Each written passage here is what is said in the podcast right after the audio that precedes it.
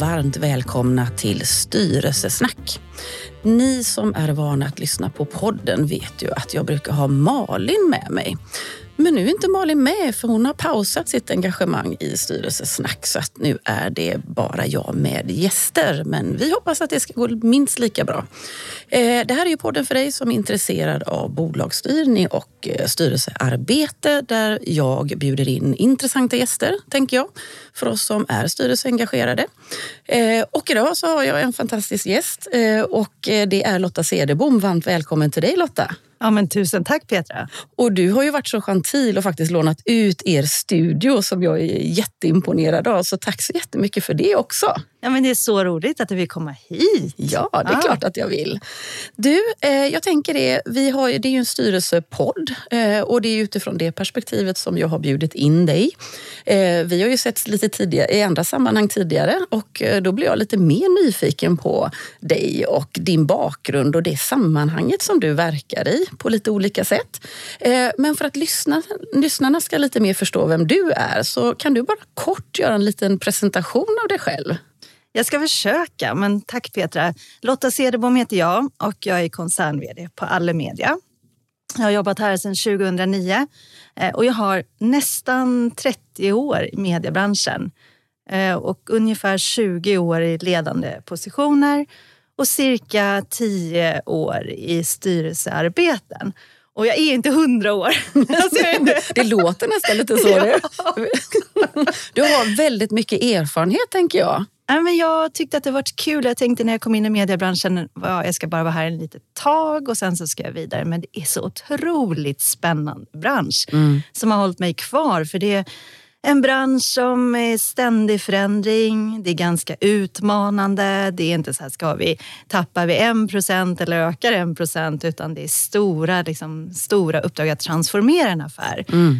Och det har jag tyckt varit så otroligt kul och tycker fortfarande är så roligt mm. och spännande att få vara med om den resan. Och sen möter vi massor med saker i omvärlden, både makro och mikro som påverkar oss och, och det gör ju bara det ännu mer roligt tycker jag. Mm. Mm. Att det är så svårt. Jag brukar säga till mina kollegor, det finns ingen bok att läsa, det finns ingen kurs att gå, utan det gäller att hela tiden vara väldigt, väldigt nära affären mm. och våra kunder. Mm. För det är det som styr hur vi mm. behöver transformera affären. Mm. Och man kan inte göra som alla andra gör.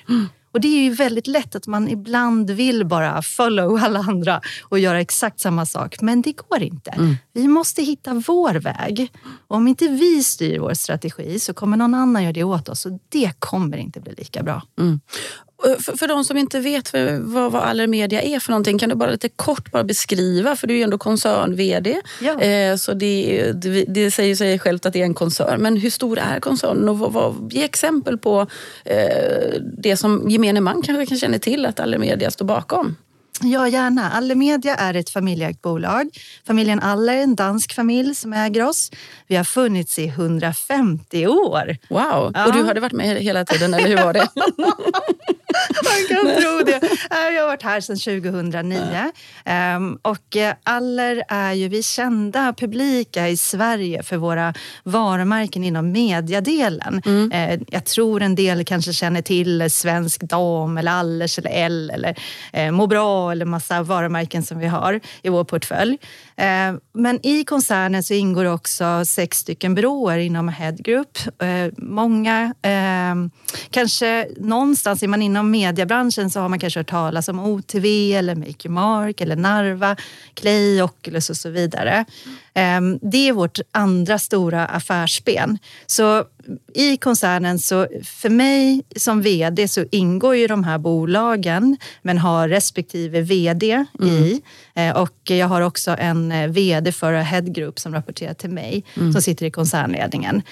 Utöver de här bolagen där jag är lite olika, ordförande eller ledamot eller vad jag är i, jag är i styrelsen i alla fall, så har jag några extra andra uppdrag också mm, mm. som jag sitter i styrelsen. Och det är ju det som jag tycker är lite intressant, det här med att vara i en koncern. Och du förstår ju alla liksom att koncerner kan ju styras på lite olika sätt.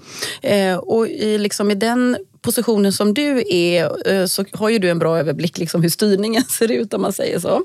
Eh, kan du berätta lite grann kort bara, liksom, hur, hur, hur styrs då alla de här bolagen i den här koncernen? Ja, vi, jag har haft förmånen att få vara med och förvärva alla de här bolagen. Mm. Så det har varit jätte jättespännande resa. Och vad, när vi tittar på hur vi kan stärka vår koncern så handlar det väldigt mycket om att vi ska hitta synergier från mediedelen. Mediedelen är en stor, stark del till där strategin är ungefär ett år tillbaka Women First, där vi satsar på att ge Sveriges kvinnor ett rikare liv. Så våra samtliga varumärken, affärsutveckling, allt annat är i kommunikation till Sveriges kvinnor. Mm. Ehm, hur kan vi dra synergin av det? Att vi har cirka tre miljoner interaktioner med Sveriges kvinnor varje månad. Och vi, vi rör oss där. Hur kan vi stärka våra byråer i det här fallet? Eh, och hur kan vi hitta synergier dem emellan? Eh, ett plus ett blir sex väldigt enkelt utifrån ett affärsperspektiv. Mm. Det är inte nödvändigt, för det är klart att om man tittar på våra byråer så har ju de också jobbat med manliga varumärken som riktar sig till män. Men det är väldigt stor del, men det är hälften av Sveriges befolkning mm. som ändå riktar sig mot kvinnor.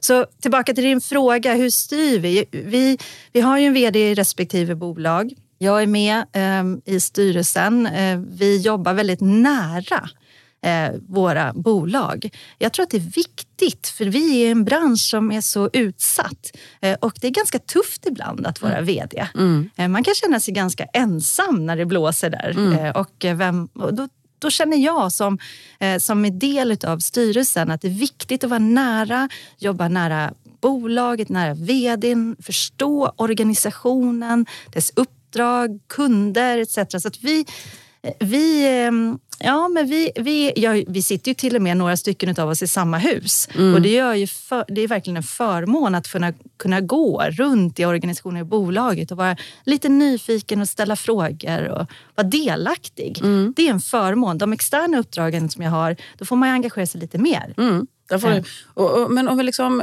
om vi börjar lite grann på, på toppen då. Det är ett mm. familjeföretag. Mm. Finns det ett ägardirektiv? Ja, det finns det. För koncernen? Ja. Mm. Och du har en styrelse såklart? Absolut. Och eh, är det, är det med blandning med familjemedlemmar och extern eller har du externa styrelseledamöter enbart? Nej, det är en blandning. En, en blandning. Ja. Mm. Och sedan om man då tar liksom de vidare bolagen då som du säger, då är du styrelseengagerad i döttrarna.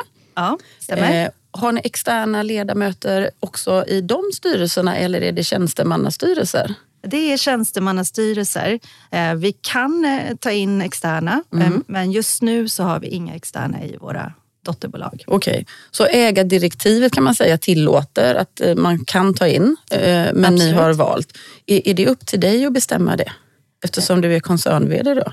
Ja, men Ja, om någon måste ta det sista ordet och mm. det sista, sista beslutet så är det upp till mig. Men vi gör ju det i samråd. När vi ser att vi har behov eh, av att ta in någon externt, då gör vi det. Mm. Eh, mm. Men just nu så befinner sig bolagen i den strategi att vi inte känner att det är nödvändigt. Ska tillföra mm. eh, någonting utöver det som vi har idag. Mm. Och det kan vara under en period. Absolut. Använder ni då lite mer advisors då istället, då, istället för att ta in dem i... Så att om man under en viss period behöver kanske annan typ av kompetens, då kanske man tar in rådgivare istället och inte plockar in dem i styrelsen? Är det... det är mer vanligt. Ja. Det gör vi ganska ofta. Okej. Okay. Har ni också då en... Eh, du sa, jag tror att du sa koncernledning, va? Absolut. Och hur, hur, hur, är den formulerad? Eller hur är den formad? Är det för ja. att man har en given roll så finns, får man plats där? Eller hur? Hur funkar det? Nej, men man kan ju aldrig prenumerera på en koncernledning. Kan man inte? Upplever du ibland att man, man kanske tror det? Eller? Ja, men Ibland, kanske, kanske inte hos oss eftersom Nej. det är så ständig förändring. Mm. Utan jag tror ju jättemycket att det ska vara rätt person på rätt plats. Mm. Och beroende på var bolagen befinner sig någonstans, i vilken situation och vilket, i, i, i vår strategi så behöver vi ju bemanna efter det. Mm. Så jag, jag tror verkligen att det ska, det ska man ta till sig i alla bolag. Mm. Att det, ibland kan man se att folk har haft sina roller under en väldigt, väldigt lång tid. Eh, men är det vad bolaget verkligen behöver just nu? Mm. Det tror jag man ska inventera minst en gång om året. Mm. Så eh, och om man, man ska försöka dela upp det lite grann. Nu pratar vi om er koncern och det kan ju se väldigt olika ut. Men jag tycker det är intressant eftersom du sitter där du sitter. Eh, och om vi säger så här, vad, vad ägnar du dig åt och eh, vad ägnar koncernstyrelsen sig åt som skiljer sig då från det som är, alltså, och sen vad gör koncernledningen och vad får de lokala eh, döttrarna och vdarna och styrelserna göra? Nu är ju du en del av den styrelsen, så att, men, men om vi tar det lite uppifrån, vad, vad pysslar koncernstyrelsen med? Ja, eh, först då, jag leder ju koncern, koncernstyrelsen och jag rapporterar ju till ordförande som är Katinka Aller. Eh, jag håller en nära dialog med hela styrelsen och framförallt ordförande. Mm. Jag tror att det är jätteviktigt att vara transparent och dela mycket mm. kommunikation. Vi sitter dessutom, jag sitter i Sverige och de sitter i Danmark. Mm. Så jag tror det tar ganska stor del av min tid att mm. jobba nära styrelsen, nära vår revisor, nära de fackliga representanterna som också är representerade i styrelsen. Eh, det tror jag är viktigt. Jag är också nära koncernledningen. Vi, jag pratar med dem varje dag. Mm, mm. Eh, ungefär samtliga utav dem mm. i något format. Kort, eh, kan vara telefon eller ett fysiskt möte. Så det tror jag också eftersom vi befinner oss i en strategi som hela tiden utmanas och där vi måste vara väldigt agila och våga mm. Eh, frågasätta riktningar och investeringar. Mm. Det går inte att lägga en budget en gång om året och tro att den ska hålla ett helt år utan den kommer behöva omprövas och man kommer behöva ta Mm. tuffa beslut. Så för mig är det väldigt mycket eh, ägaren, styrelsen, men också väldigt mycket koncernledning. Mm. Jag försöker undvika att gå in i detaljer. Eh, eftersom jag sitter där jag gillar att sitta i soffan här i receptionen och prata med medarbetare på fredag eftermiddagar och så. Mm. Men försök att inte gå in i detaljer för då skapar jag oreda och jag tror tillit i, liksom, i en organisation och en ledningsgrupp är så otroligt viktigt. Mm. Mm. Eh, så att jag även om jag är nyfiken och vill vara nära och frågar hur kunderna går och ringer runt så försöker jag undvika. Jag gör det säkert. Om, om det är några av mina kollegor som lyssnar så tänker de, jo men Lotta är nog inne där också. Men jag försöker verkligen. Jag tänker på det varje dag. Mm. Mm. Att jag tar roll i rätt forum. Mm. Mm. Men, men eh, så koncernstyrelsen då, ni jobbar mer kanske med det mer övergripande för hela koncernen. Liksom, vad, och strategi för, koncernstrategin, eh, tänker jag. Ja. Eh, och sen koncernledningen är utvald för att eh, ni, har, liksom, ni behöver stötta hela koncernen med vad som just nu och kanske en stund framöver behövs. Exakt. Är det, så, det är så du, och det är du som sammansätter ju koncernledningen, tänker jag. Ja, mm. Eh, och sen har ju respektive bolag sin strategi som jag nämnde. Mm. Mediadelen har Women First. Mm. Eh, men OTV har ju sin strategi, mm. Make Your Mark och Narva respektive mm. bolag. Mm. Eh, men det finns ju ändå en övergripande strategi för hur vi ska ta oss framåt som mediehus och som koncern. Hur vi ska finnas i 150 år till, minst. Är det det Sverige. som ligger i, i, liksom i vad ska man säga, visionen? Ja, vi är ju ett familjeägt bolag som vill vara långsiktiga mm. in, in, på den svenska marknaden inom media och marketing services som vi mm. kallar det inom byråerna. Mm. Och det, har de, det ligger i mitt uppdrag. Mm. Och, eh, vi har ju pratat lite grann tidigare, vi har ju varit i ett annat sammanhang när vi har pratat om omvärldsbevakning och omvärldsanalys och så här. Där du då nämnde liksom hur den här branschen ändras så otroligt fort nu. Mm. Kan du liksom bara för lyssnarna beskriva lite grann vad, är, vad, vad liksom, hur fort går det och, och, och liksom hur hanterar ni den här snabb, snabbrörligheten i också då att vara på bollen? Mm. Man kan ju tänka sig då att en lite större koncern kanske är lite mer långsam, eller mm. hur är det? Nej, det har inte vi tid att vara. Eh, utan vi måste liksom agera väldigt skyndsamt. Eh, och eh, de som känner till lite om mediebranschen vet ju att den digitaliseringen från liksom 90-talet, eh, när, jag kom, när jag började med internet mm. Eh, på en byrå eh, och det var bara en fluga. Mm. Ja, eller hur? och det, så är det ju inte, utan hela branschen behöver ju liksom hitta konsumentintäkter och våra, liksom affärs, med våra affärspartner, B2B-intäkter som vi kallar med annonsörer och samarbetspartner. Mm det går ju mer och mer mot den digitala världen. Det mm. finns väl, väl ingen ung tjej eller kille som liksom, eh, hanterar media på det sättet som du och jag Petra. Mm. Liksom, som, eh, jag har en morgontidning hemma. Eh, mina döttrar läser den på paddan. Mm. De skulle inte bläddra i tidningen. Eh, men det finns ju också där man vill ha vissa magasin. Man vill ha det tryggt och krypa upp där i soffan. Jag tror att många myser gärna med en L i soffan eller en Femina och tycker mm. det är gott med en kopp kaffe eller te eller vad man mm. vill ha. Så det finns ett annat beteende. Men det gäller ju att vi, att vi hittar nya intäkter. Mm. Och det har varit så sjukt kul och svårt mm. att göra. Mm. Ehm, sen har vi, möter vi nya utmaningar. Ehm, vi ställer till oss för att vi är beroende av tredje part. Och, eh, vi pratar om eh, Google och Meta som också tar en stor del av det som gör med våra sajter. Men vi har, jag tycker Allemedia är så stolt över mina kollegor för vi har lyckats varje år. Det vi tappar i liksom vår traditionella affär har vi byggt upp i nya affärsområden. Mm. Så när jag började hade vi tre intäktsströmmar. Nu har vi kanske 50 intäktsströmmar. Mm. Mm. Så ta ett varumärke, vi säger Femina, eh, som aldrig har nått så många kvinnor och berört så mycket som de gör idag. Mm. För att de finns på så otroligt många plattformar. För det är precis det vi vill ha. Vi vill mm. inte liksom att någon ska bestämma när vi ska få det här innehållet. Utan vi vill kunna välja själva och då måste vi finnas där med relevant, djupt och nischat innehåll.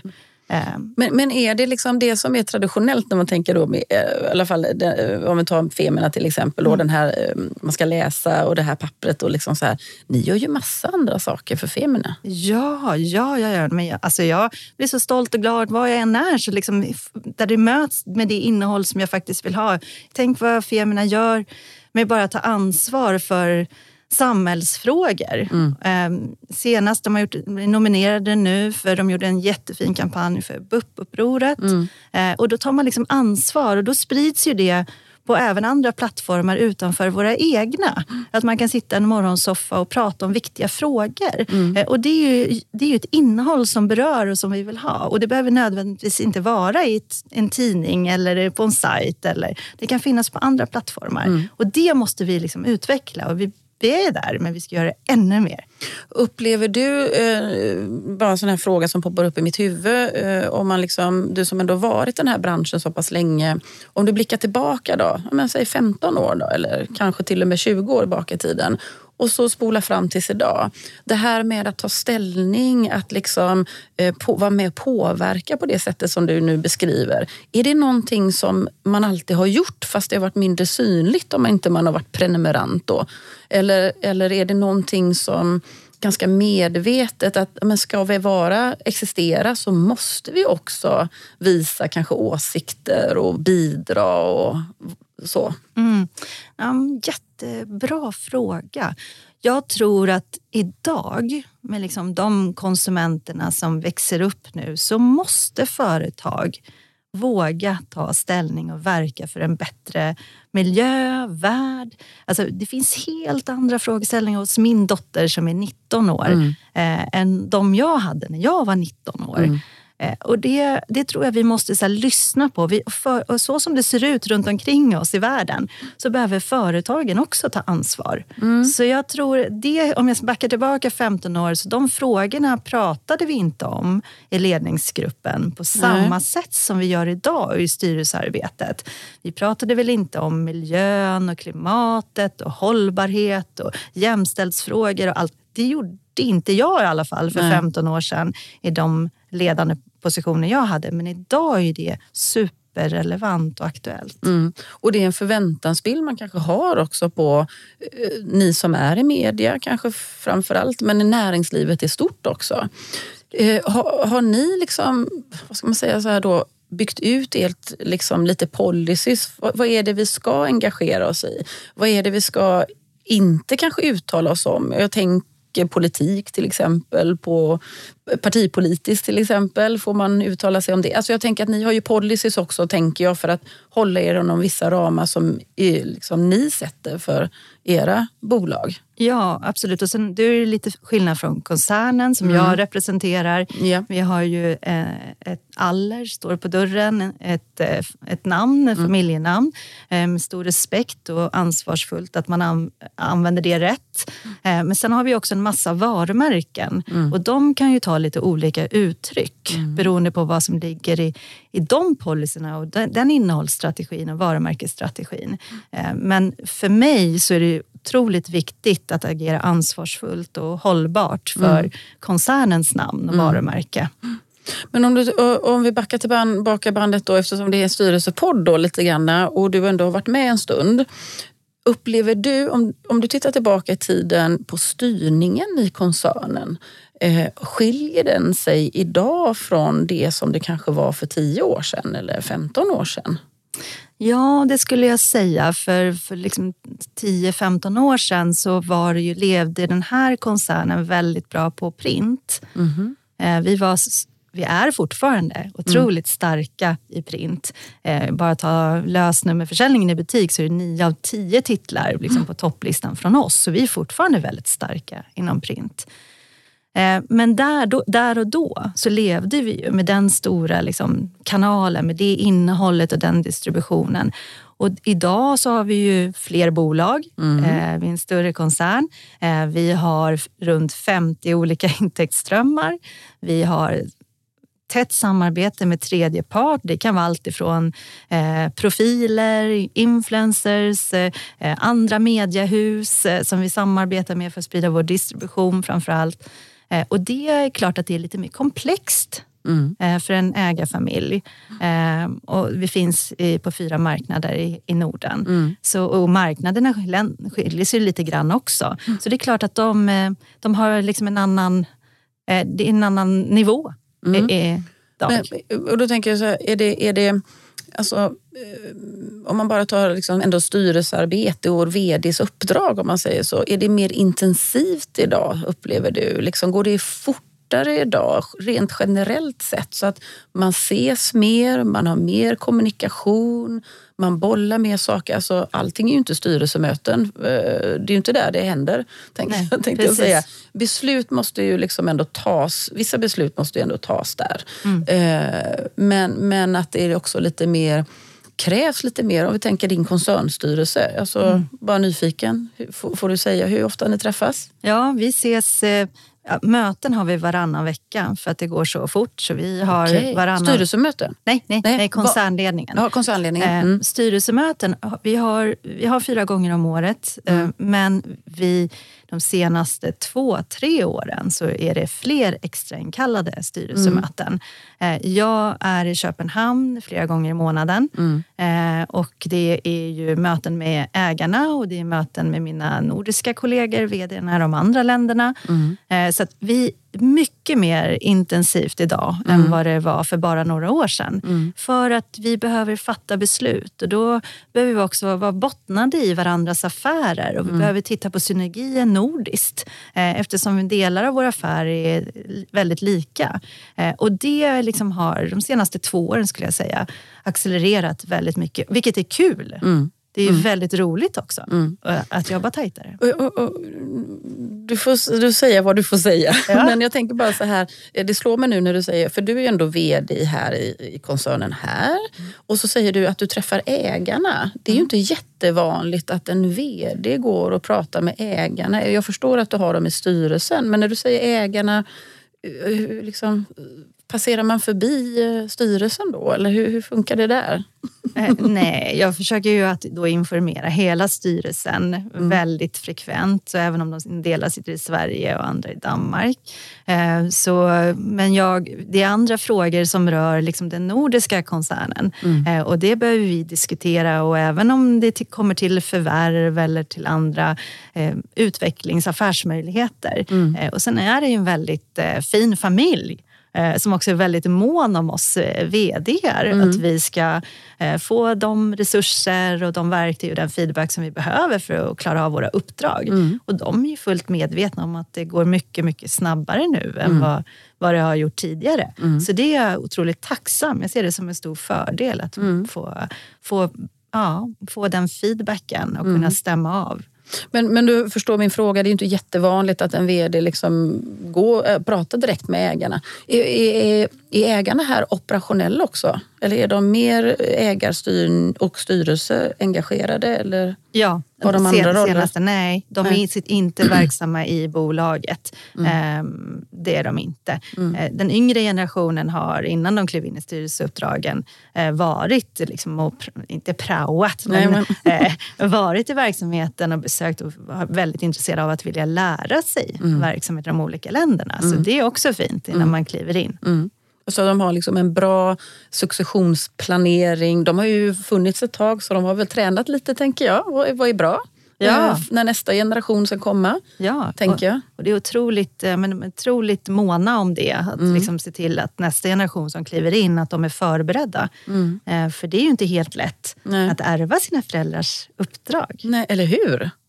Ja. Har du fått vara med, det vet inte jag, har du fått vara med om ett litet generationsskifte under din period här? Ja, vi är på väg nu. Ja, ni är på väg nu? Så småningom här nu. Ja. Nu, är, nu kliver de in här, eh, sjätte generationen, vilket är otroligt spännande. Mm. Det är så otroligt fina personer som jag har känt i väldigt många år. Eh, och det, man känner ett stort ansvar att de ska lyckas. Mm. Eh, det är ett familjebolag som som sagt ska finnas under väldigt många år. Mm. Även när jag inte finns mm. med här längre. Eller hur? Men har, har de bett dig alltså, liksom onboarda också? Alltså, har du en roll i onboardingen av nästa generation? i din roll? Det känner vi ju allihopa mm. såklart att vi vill. Det här mm. är ju personer som vi har sett växa upp och vi känner ju alla att det vill vi. Vi vill mm. ju dem otroligt väl, att de ska lyckas i sina uppdrag. Mm. mm. Såklart. Mm. Ja men såklart. Men eh, du som också finns i andra bolag då, som inte, är det de andra engagemangen du har i styrelser, det är inte familjeföretag eller? Nej, det är Nej. inte familjeföretag. Nej. Om du bara skulle liksom reflektera lite grann. Eh, nu har, jag vet inte om du har jobbat i andra familjeföretag, men jag tänker om du bara med din erfarenhet. Vad, vad, vad, vad tänker du är skillnaden mellan att jobba för ett familjeföretag framför en annan typ av ägarkonstellation? Men det spontant som jag kommer på är ju långsiktigheten som finns i familjeföretag. Mm. Eh, det är otroligt tydligt tycker jag. Det här är andra gången jag jobbar i ett familjeföretag. Mm. Man vill, man är inte på börsen. Eh, man behöver inte ha, ta de korta snabba utan man, man har en långsikt, sin långsiktighet mm. i både när det gäller resultat och avkastning och allt annat. Mm. Um, om jag jämför då med bolag som inte är familjeägda eh, så jobbar man ju kanske mer liksom med eh, avkastningskrav. Det finns väldigt tydliga lönsamhetskrav. Ehm, eh, då kan det också vara här, ibland intressekonflikter mm. mellan olika företagsrepresentanter som sitter i styrelsen som har olika strategier. Jag skulle säga att det kanske är lite mer politiskt. Mm. Okay. för att man är olika typer av ägare. Ja, precis. Men, men, möter du inte då ägardirektiv, att man har enat ändå om någon form av liksom ändå fem, sju år framåt så vill samtliga ägare det här så att ni får ett tydligt uppdrag i styrelsen? Jo, det, det, men det finns ju alltid lite gråzon runt det där. Alltså det. Eller hur? Ja. så det måste vi väl vara ärliga med. Att det liksom finns. Man, kommer ändå, man kliver ju givetvis in med sin kavaj i det bolaget med den rollen man har där. Mm. Eh, men man har kanske ibland, det kan uppstå framförallt när det kommer till lite tuffare tider, mm. så här, olika intressekonflikter. Och då är det ju supertydligt med bolagsstyrningen att det finns ett, en tydlig tydlighet i det som vi kan luta oss tillbaka Men mm. ibland är min bild att det ändå ja, det är lite svårare. För man har lite olika agenda. Hur mycket vill vi investera? Och man har mm. lite olika förutsättningar mm. att kunna göra det när det verkligen krävs. Och som sagt, jag verkar i en bransch där hela tiden utmanas. Mm. Uh, och jag brukar också säga att när en dörr stängs öppnas någon annan. Det gäller ju bara att hitta vilken det är uh, och då ha modet att våga investera i det. Um, och det kan man ju tycka och tro lite olika om.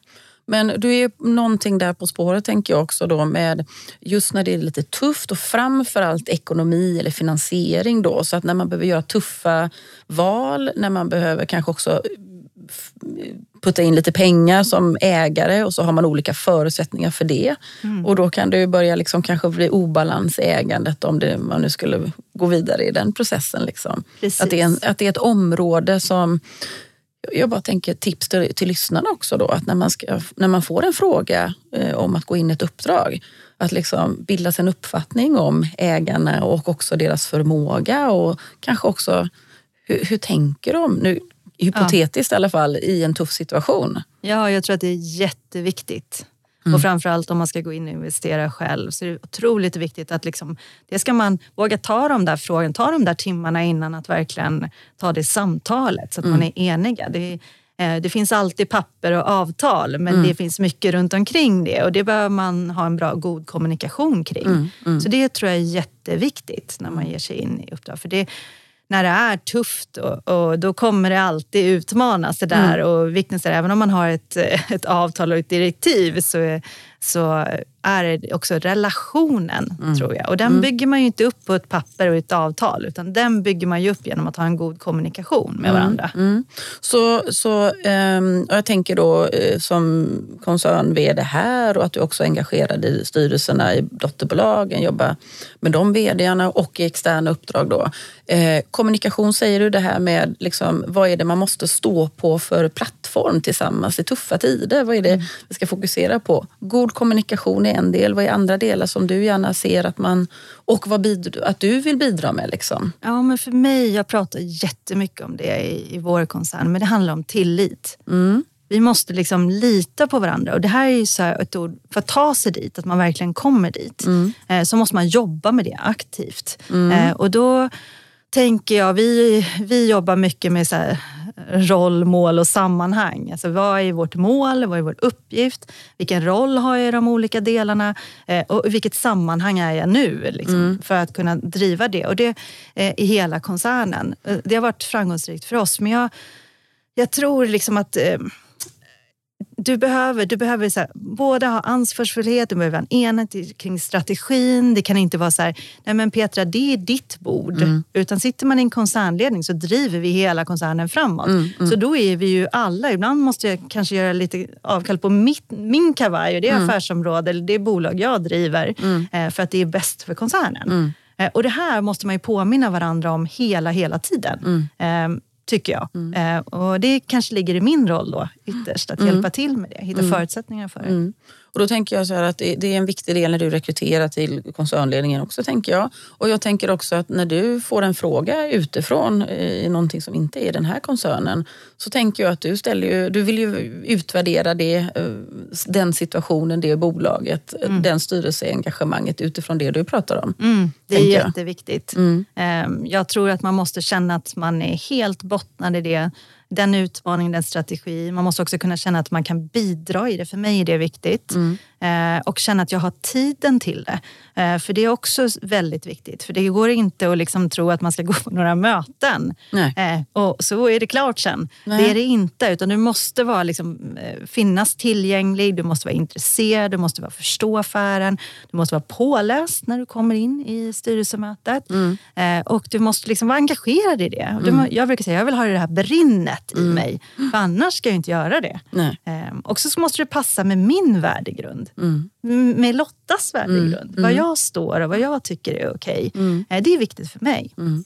Hur, hur utvärderar du det inför, om du får en fråga? Jag är bara lite nyfiken. Liksom. Hur, hur, hur, hur får du reda på allt det? Umgås du ganska mycket? Jag vet inte hur många gånger du har blivit rekryterad i och för sig, men jag tänker några gånger. Eh, hur, hur, ser din utvärderingsprocess ut när du ska liksom, eh, säga ja eh, till ett uppdrag till exempel?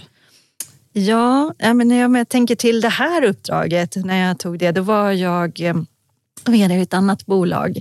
Eh, och så, så var jag, hade precis fått vår andra dotter. Eh, och då börjar man tänka, jag börjar tänka, mm. eh, när jag eh, så här, fick några månader hemma, vad vill jag göra? Mm. Så när jag valde det här uppdraget, eh, då hade jag tid att tänka. Annars kan man vara, man är mitt uppe i en roll, ja, och så får man en propå och så ska man liksom hinna tänka på det samtidigt som man gör allt det man gör i vanlig, vanliga fall. Mm. Det är svårare. Men i det här fallet hann jag verkligen både så utvärdera, tänka till, kolla på värdegrund, känna att det här är jag. Och då var det som att någon hade skrivit så här, Lotta Cederbom, vad tycker hon är roligt och vad är hon bra på? Mm. Och så kom den rollbeskrivningen till mm. mig. Mm. Så, men i normala fall, när jag liksom, då försöker jag göra min... Jag litar, alltså jag är ju inte hundra år, men hälften av det.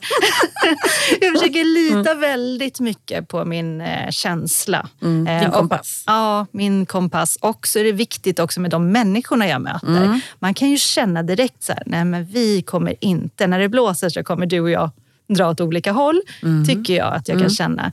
Eh, och och så får man träffa några olika styrelseordförande eller ja, om man får möjlighet att träffa någon i bolagen är också jättebra, mm. tycker jag. Inte det viktigt att träffa vd? Jo, jo, absolut. Mm. absolut. För jag tänker det är ett otroligt viktigt verktyg, precis som du är för den här koncernen och koncernstyrelsen här. Ja, så, absolut. Mm. Men sen är ju, eh, liksom om det är, i branschen så har man ju många, man känner alltid någon mm. någonstans. Mm. Så man kan också använda sitt nätverk och mm. liksom göra... Ja. Lyssna in lite. Ja, Mm. Precis. Eh, det var någonting jag skulle säga som jag tappade bollen på, men den kommer tillbaka. Du, jag var lite nyfiken om vi går tillbaka till, till liksom där du sitter idag. Mm. Eh, har du en vd-instruktion? Ja. ja. Eh, har vdarna i dotterbolagen också vd-instruktioner? Yes. Mm. Eh, nu har ju ni tjänstemannastyrelse då eftersom ni inte har externa. Ni kan ha, men ni har inte det idag. Om du skulle jämföra tjänstemannastyrelser jämförelsevis då när, det, när du själv är eh, extern i någon annan bolagsstyrelse.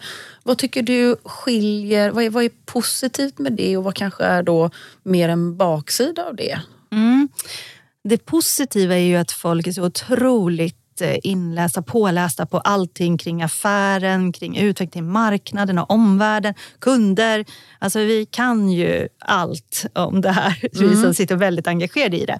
Men eh, baksidan då är ju att man ibland behöver liksom utifrån perspektiv eh, och någon som ser saker med andra glasögon än mm. de vi har på oss. Så jag tror att det är bra att ibland få in det mm. eh, beroende på var man befinner sig någonstans. Men det är, man ska alltid vara nära marknaden, lyssna på kunderna och få liksom det externa. Mm. Eh, jag tror också att det är så här, nära så här, revisor och liksom hela den är också bra att ha. Det finns väl ingen som har internt, men, mm. men att det är viktigt att liksom ha den delen eh, mm. väldigt kopplat till alla mm. bolag. Mm. Nu kom jag på vad jag skulle säga innan.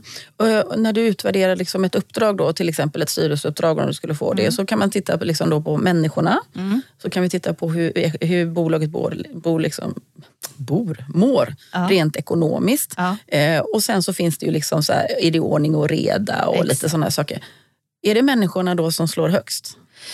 Hmm. Nej, men det är liksom förutsättningar. Jag skulle nog inte ge mig in i någonting som jag ser så för stor risk i. Eller, eh, du då tänker ju... du ekonomisk risk? Ja, mm. precis. Eh, då ska jag verkligen se eh, att det finns en tydlig uppsida där jag kan se att ja, men det här typ kommer... Typ en turnaround? Ja, liksom. exakt. Mm. Eh, men, men jag har lärt mig, min erfarenhet är att om jag inte har rätt människor där mm. eh, så kommer vi inte. För när det väl blåser, eftersom jag jobbar i en bransch som är, liksom, det är inte medvind. Jag har inte en sån här stor Carola-fläkt som bara skjutsar fram mig. Utan den står snart... bakom dig. ja, jag har beställt den som ska komma med mig. Mm. Men, så då är det ju människorna. Mm som kan göra den där extra skillnaden. Mm. När det är lätt, då gör det inget. Du behöver inte komma in på de där svåra frågorna och tuffa besluten och mm. allt det. Mm. Eh, men när det inte är så lätt, då behöver man mm. göra det. Så att, ja, det har jag lärt mig mm. genom åren. Mm. Att det är viktigt att man ser saker på samma sätt. Sen behöver man inte alltid tycka lika. Det är ju jättefarligt om man tycker lika hela tiden. Men när det väl kommer till så är det viktigt. Ja, för det, det, är min konklusion också efter många år. Eh, jag kanske också är hundra år, nej jag bara skojar. Men jag tror vi är ungefär lika gamla kanske. Ja. Eh, nej, men eh, just det här med att ja, men visst ska det finnas en, en, ekonomisk bas såklart. Det ska ju finnas något sunt och någon möjlighet att ändå göra det fortsatt sunt och kanske mm. till och med växa. Men just att det är människorna. Allt annat kan vi lösa liksom. Mm. Så tänker jag också. Ja. Mm. Eh, vad tror du kommer att hända framöver här? Liksom, eh, i, liksom, eh, om, om man skulle titta fem, tio år fram, nej, vi ska nog sitta, titta 10-20 år framåt eh, i bolagsstyrning. Eh, vad, vad, tror du kommer att hända eh, framöver? Oj, vilken spännande fråga. Mm. Ja, men jag tror ju ändå att vi kommer få, företagen kommer behöva ta större ansvar. Mm. Det tror jag och det kommer liksom bli även i bolagsstyrningen att vi kommer behöva ta företagandet mm. kommer behöva ta större ansvar. Men vi pratar klimat och liksom hållbarhet. Det kommer också vara jättestor skillnad i mm. bolagsstyrning, tror jag. Mm. Det är ansvarsfullt och hållbart under en längre tid. Vad tror du det får för konsekvenser? Tycker vi människor om att vi får mer ansvar? Eh, ja, men jag tänker att i styrelse är vi väldigt utsatta på det sättet att vi sätter ju faktiskt vårat vårt personliga ansvar på, på, på varumärket så att säga. Då, mm. Mm. och blir det mer regel eller mer krav? Mm. Är, det, är det intressant att ta styrelseuppdrag i framtiden då?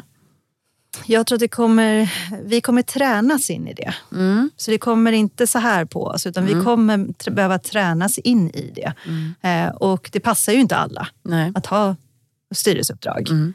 Eh, jag tror också en stor sak som kommer förändra oss, det är tecken. Eh, det kommer ju alltid olika, liksom, som jag sa där på 90-talet när internet kom och bara var en fluga.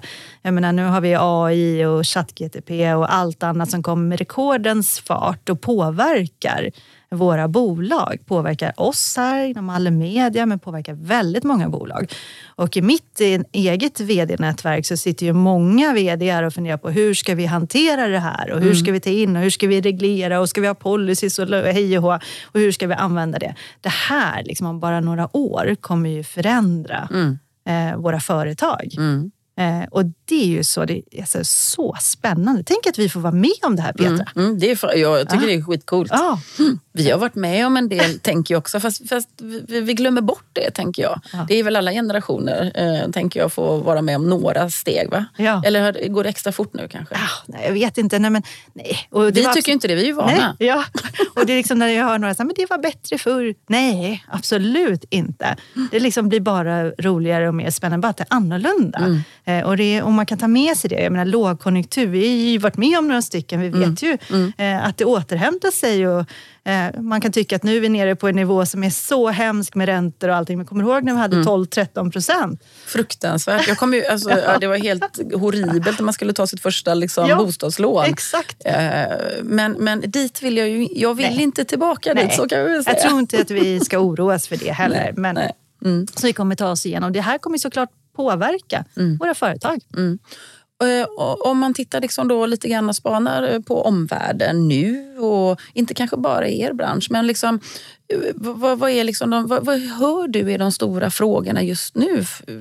Så, vad är det man pratar om generellt sett? Ja, generellt sett i min bransch så är det väldigt mycket kring att kunna attrahera talangerna med ny kompetens. Mm. Eh, att man behöver vara en arbetsgivare som attraherar dem. Mm. Eh, och de är svåra att få tag på och de har andra värderingar än vad eh, de vi har i organisationerna idag. Mm. Så det gäller, och pandemin gjorde ju också någonting med att man alla, alla satt vi hemma tyvärr. Jag mm. tycker det är jättetråkigt för jag älskar att träffa mina mm. kollegor och mm. människor.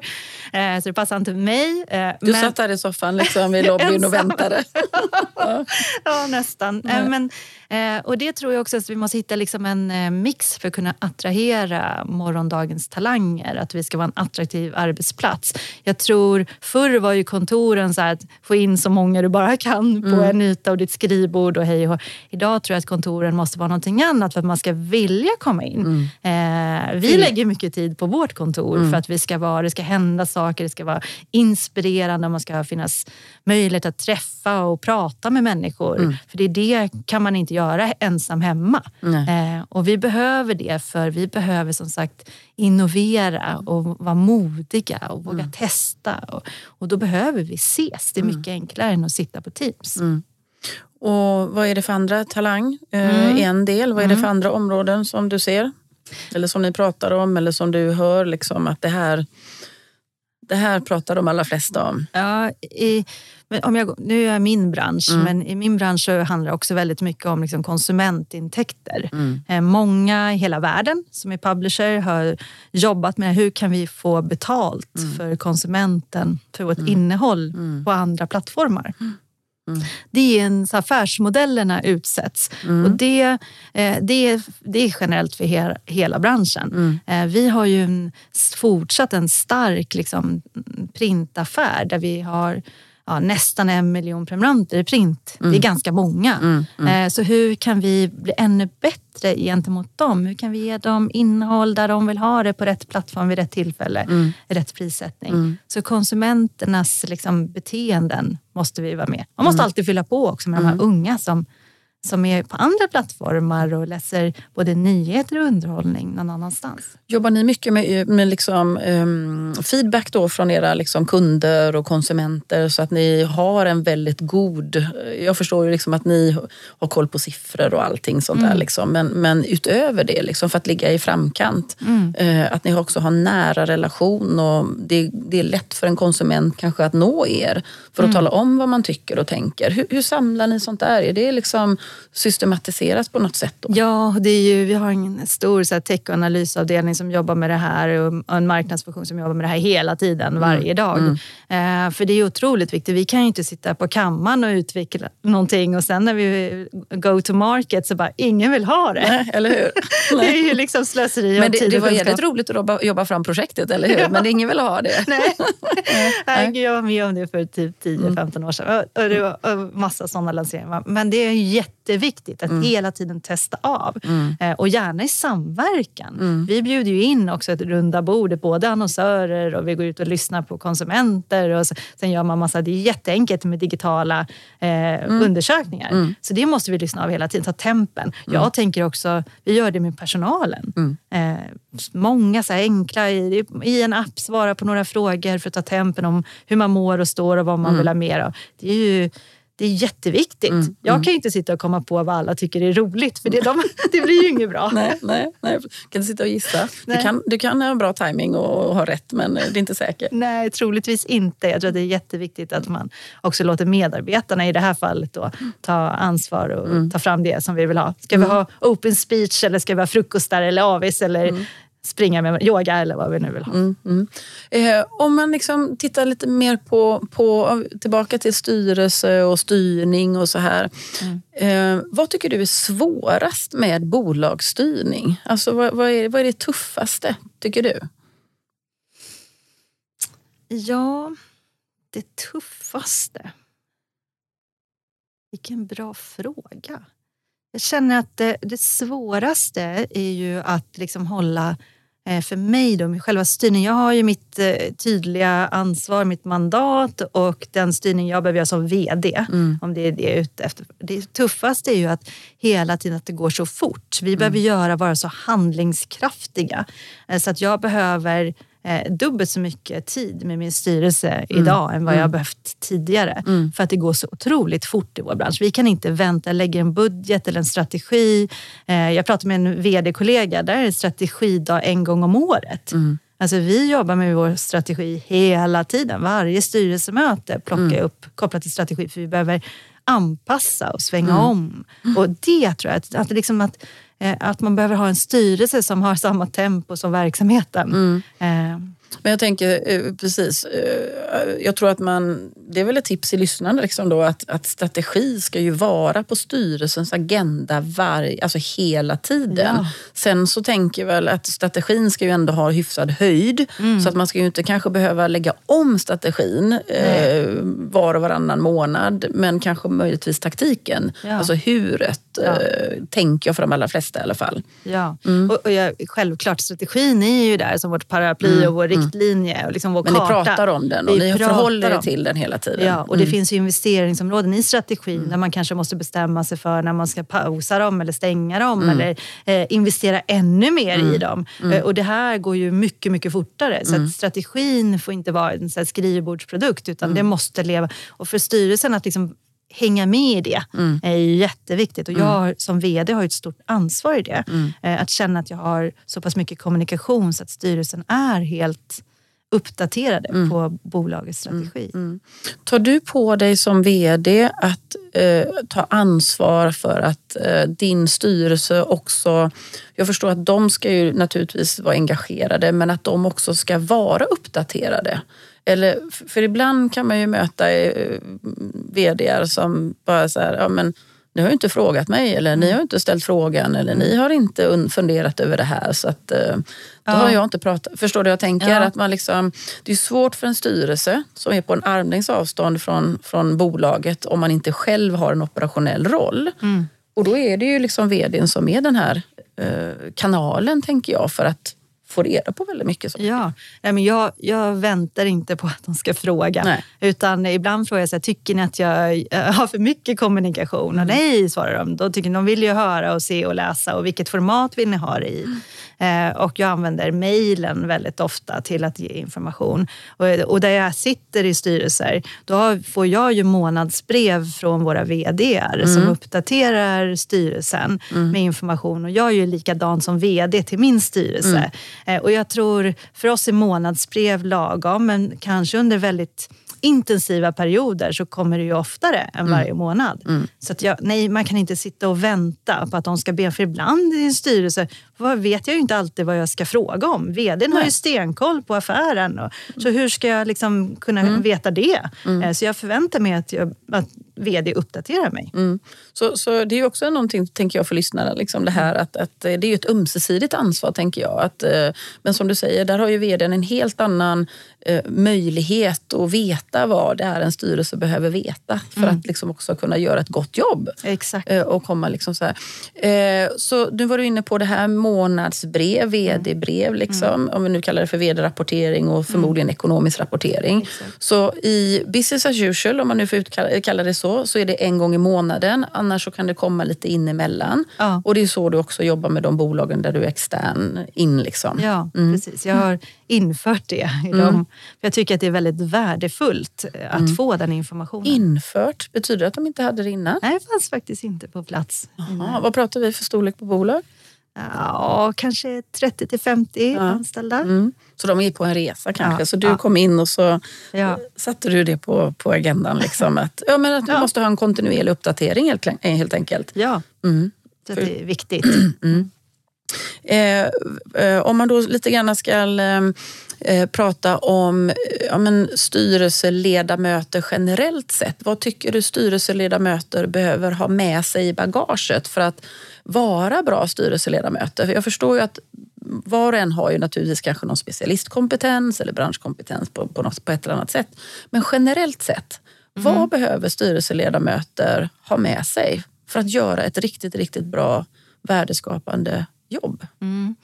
Jag tror att man eh, måste, man kliver in i en styrelse oavsett om man är ledamot eller vilken roll man har, om man är ordförande, man måste engagera sig i bolaget och verksamheten och deras kunder eller tjänster och produkter.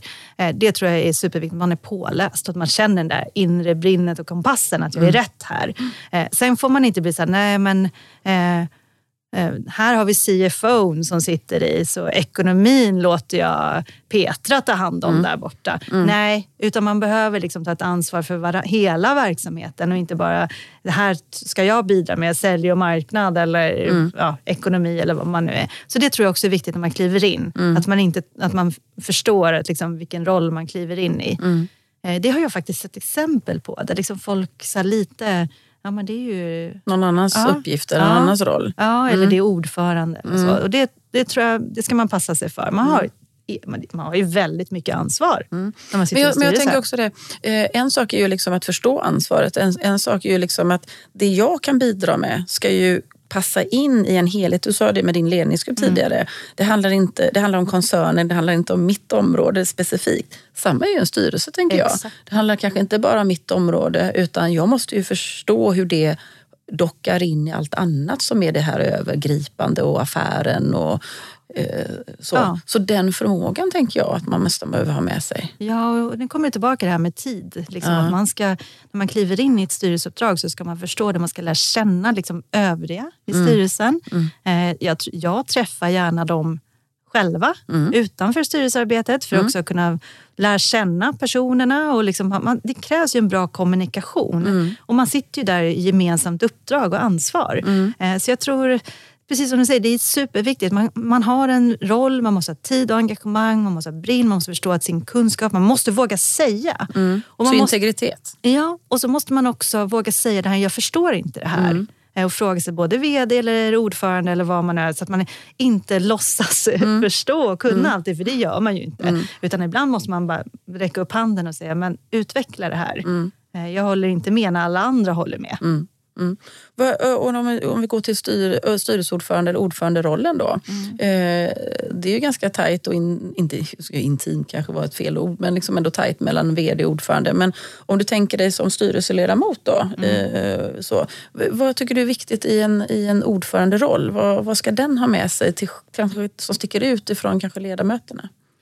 Ja, men, precis som, nästan som en vd-roll. Man behöver hålla agendan, man behöver se till att alla kommer till tals. Eh, man behöver finnas för vd extra mycket, tycker mm. jag. För man förbereder ju vd inför styrelsemötena och går igenom mm. eh, både material och andra frågor.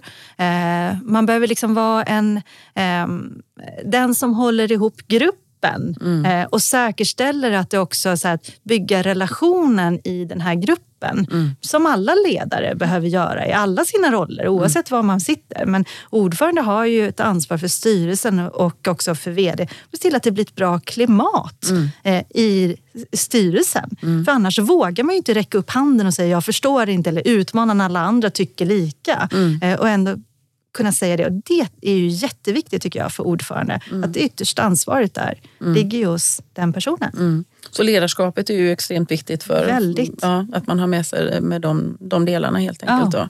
Ja. Eh, det, det, går ju fort när man har roligt. Eh, så att är tiden slut ja, nej, nej, vi kan prata lite till. Men jag tänkte bara liksom så här, om du skulle ge lite tips då. Vi, liksom, de som lyssnar på den här podden, det är ju liksom styrelse, de som är nyfikna att gå in på, i en styrelse. Mm. Skulle du rekommendera människor att liksom ta det klivet och våga ta det klivet? Och varför då? Ja, men absolut. Är du nyfiken, du känner att du vill utvecklas inom det. Jag tycker först att man ska utbilda sig, man ska mm. gå kursen så man mm. har med sig allt det här i bagaget. Mm. Eh, och sen så tycker jag liksom att våga. Mm. Våga göra det. Mm. Men gör det liksom helhjärtat. Mm. Gör det inte för att det är coolt att säga att man har ett styrelseuppdrag eller Nej. för pengarna eller för status eller någonting annat. Det tycker jag är, så här, det är för mig helt fel. Mm. Gör det för att du, vill, du är intresserad, du känner att du kan bidra, du vill göra skillnad. Du har det där brinnet. Då kommer det bli bra. Mm. Men fega inte. Det är mm. klart du ska testa, tänker jag. Mm.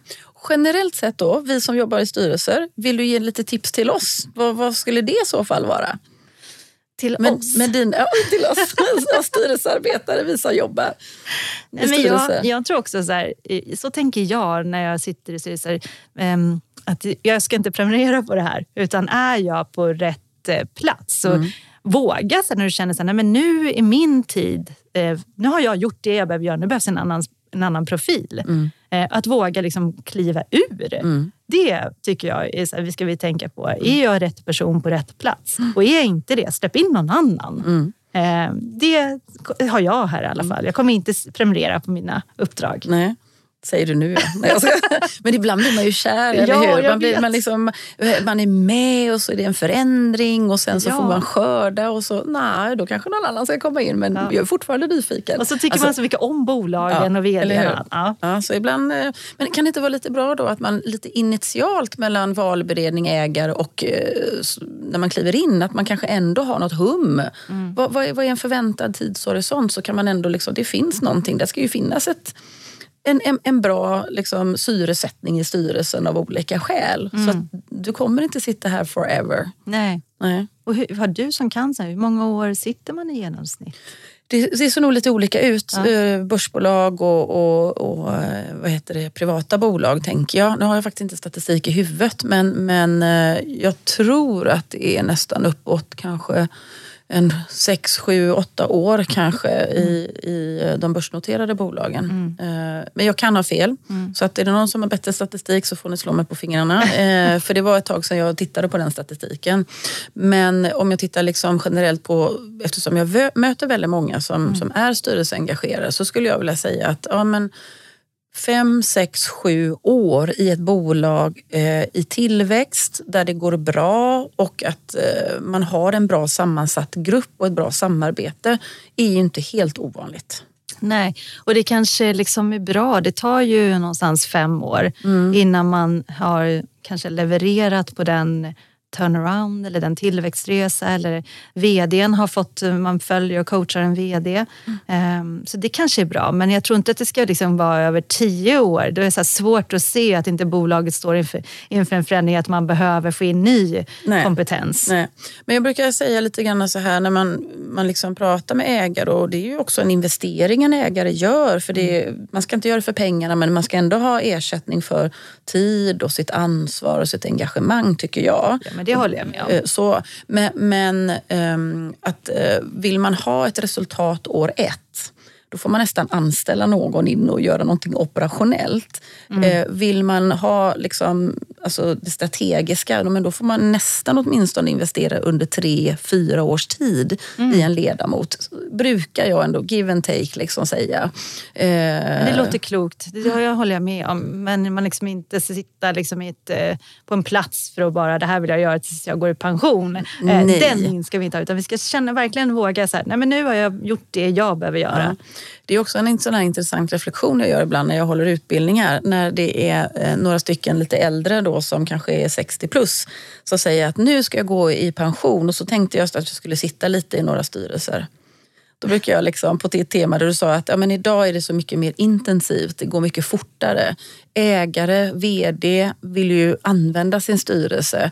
Mm. Ehm, så jag brukar säga så här, du får nog tänka om, tror jag, om inte du ska sitta i något väldigt stilla sittande bolag eller i förvaltningsbolag liksom, mm. där man mer förvaltar än, mm.